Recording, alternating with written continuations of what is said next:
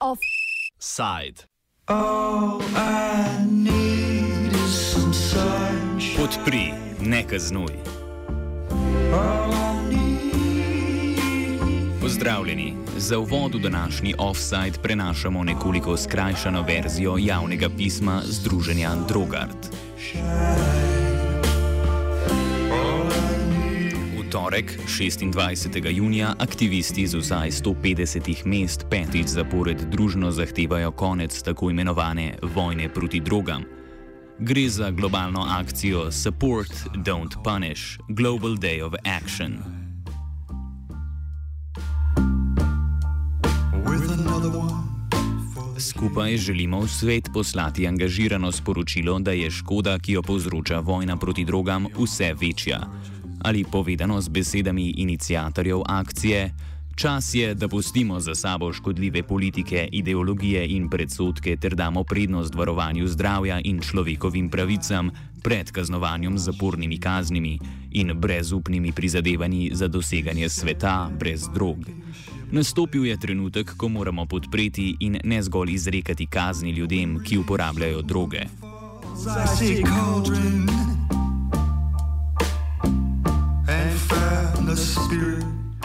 Urad Združenih narodov za droge in kriminal je namreč 26. junij razglasil za mednarodni dan proti zlorabi drog in nezakonitemu prometu z prepovedanimi drogami.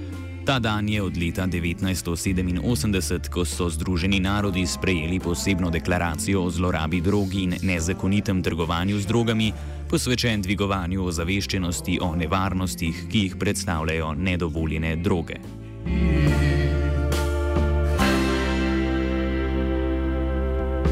Akcija poskuša izpostaviti tudi moč, ki jo imajo ljudje, da vplivajo na spremembe in na ta način spodbujajo k reformam obstoječih politik posameznih držav na področju drog.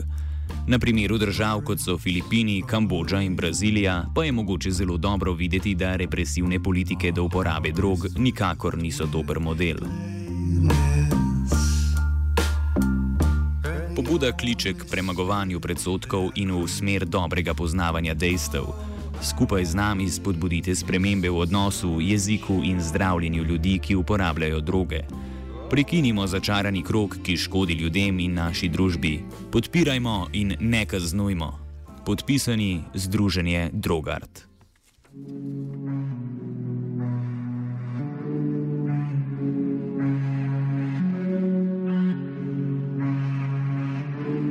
Združenje Drogart je zasebna, neprofitno, volonterska organizacija, ustanovljena leta 1999 z glavnim namenom zmanjševanja škodljivih posledic drog in alkohola med mladimi. Glavna področja delovanja združenja so informiranje in svetovanje, infotočka, terensko delo na prireditvah elektronske glasbe, izvajanje delavnic z namenom zmanjševanja škode na področju alkohola med mladimi, publicistična dejavnost in raziskovanje. Združenje Drogart ima od leta 2005 status humanitarne organizacije. Letos prvič sodelujejo pri globalni kampanji Support, Don't Punish.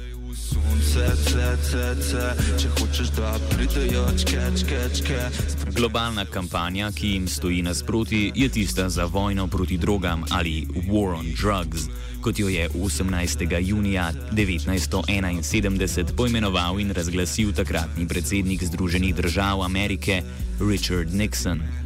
Droge so bile na ta dan razglašene za javnega sovražnika številka ena. Po ocenah Drug Policy Alliance ZDA vsako leto porabijo slabih 44 milijard evrov letno za to neskončno vojno. Matej Jankovič, sodelavec Radia Student in avtor oddaje Drogerija v predavanju leta 2010. Zdaj, dejansko si Amerika izmislila to vojno proti drugam svetovno, ne? tako da moramo se malo nanašati na Ameriko. Pač pri nas smo samo poslušni, smo prepovedali, imajo eni večje, ene manjše duševne, fizične in druge posledice, pač eni ne morejo priti do svojih zdravil in tako naprej. Ne? Ampak eh, na svetovni ravni so pa se zgodile uh, veliko hujše kršitve uh, človekovih pravic, pa družbene spremembe, predvsem v tretjem svetu, na račun uh, te prepovedi. Ne? Ideja o vojni proti drogam se je prenesla na številne države južno od ZDA, kjer so učinki še veliko bolj škodljivi. V ZDA se vojna najbolj manifestira v znatnem zvišanju števila zapornih kazni za uporabnike drog, ki primarno zadevajo skupnosti manjšin. John Ehrlichman, svetovalec Richarda Nixona za notranje zadeve, je v intervjuju leta 1994 priznal resnični namen vojne proti drogam. Citiramo: Nixonova kampanja leta 1968 in kasneje Nixonova Bela hiša sta imeli dva sovražnika: protivojno levico in črnce.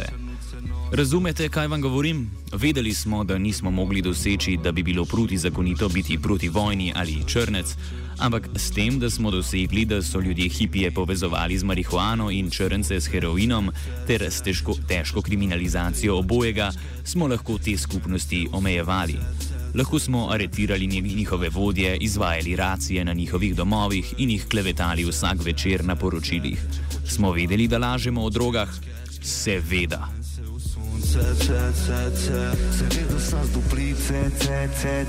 Kolumbija je aktivno vojno proti drogam prevzela leta 1991 in jo uporabila za lastne politične namene pri uničevanju leve opozicije.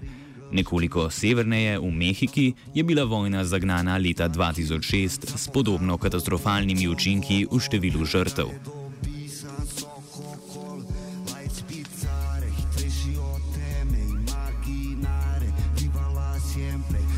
Poročilo tako imenovane globalne komisije o politiki do drog, ki je ugotovilo, da je vojna proti drogam spodletela, ni zadostovalo. Je pa zato dobila nov zagon v jugovzhodni Aziji. Indonezija in Kitajska sta vodili politiki javnih eksekucij prodajalcev in porabnikov drog. Zadnji dve leti, odkar je predsednik Filipinov Rodrigo Duterte, je bilo tam ubitih vsaj 4250 ljudi, če verjamemo vladi, in več kot dvakrat več, če verjamemo nekaterim nevladnim organizacijam. Ker z majkom rase nove glave odrežeš, pridejo vedno nove. Pač čim več nasilja ti uporabiš za boj proti drogam, tem več nasilja boš. Uh, uh, sprovedel. Pač Mehika je lep primer ali pa Brazilija. In vse, kar se je zgodilo, je, da so pač droge so malo poskočile cene in oni so prisiljeni uh, v bolj pač na, te uh, narkokarteli, so prisiljeni v to, da se sami bolj uh, oborožujejo in tako naprej. In zaradi tega pač v mestnih središčih pa tudi druge več spopadov z policijo, pa tudi med njimi samimi. Ne?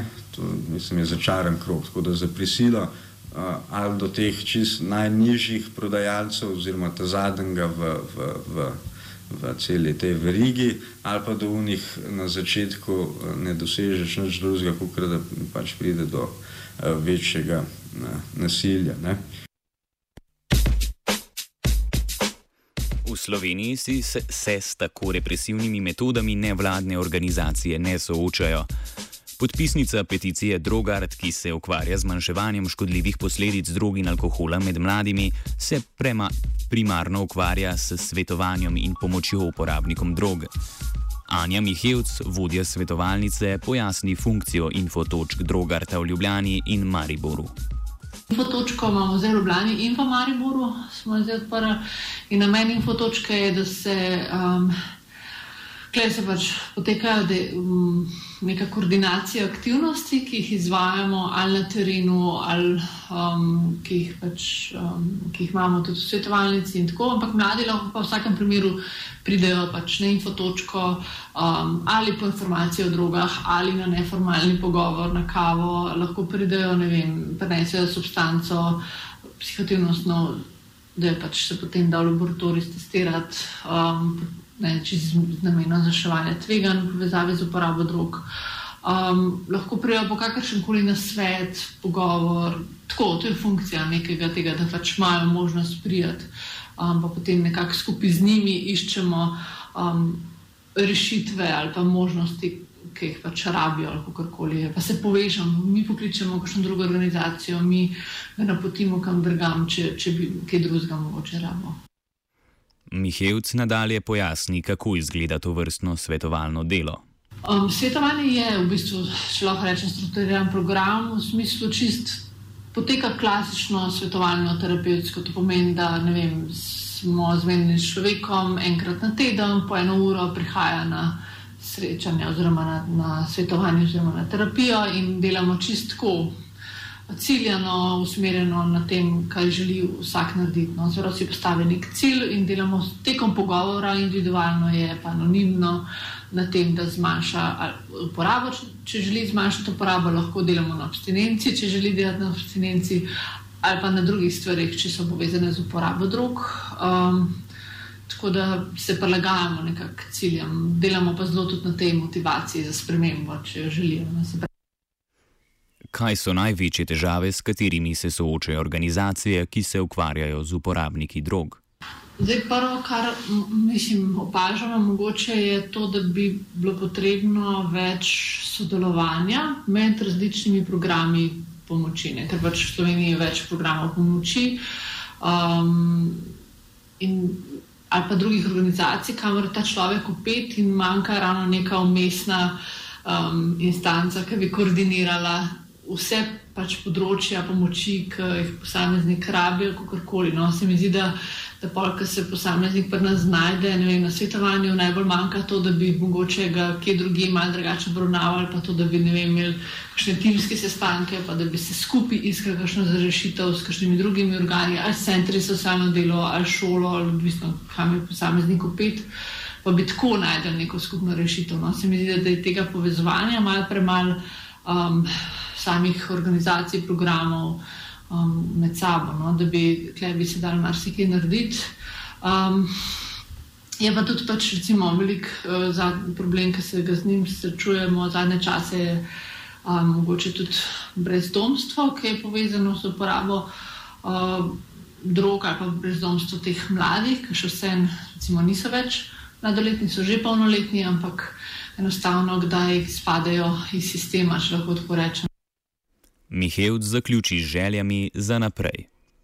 Je pa pač pomembno, da um, vsaka država vseeno tudi um, poskrbi za to, da, da se stvari ne moralizira preveč, da, mislim, sploh, da se jih ne, zato da lahko sploh delamo z uporabniki droga. Ne? Se pravi, da, da ni prisotne toliko stigme, zato ker nekateri ljudje, ki dejansko, recimo, ko uporabljajo droge, imajo zares neke težave, ne lahko uporabljajo drog.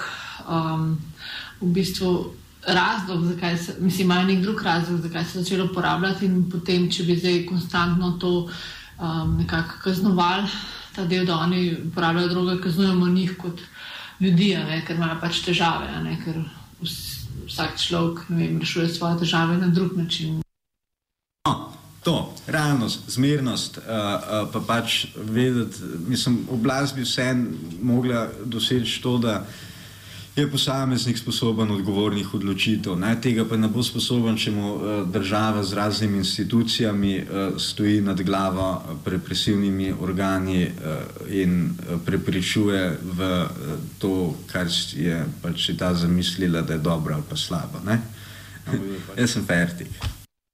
Fertik je tudi Antun.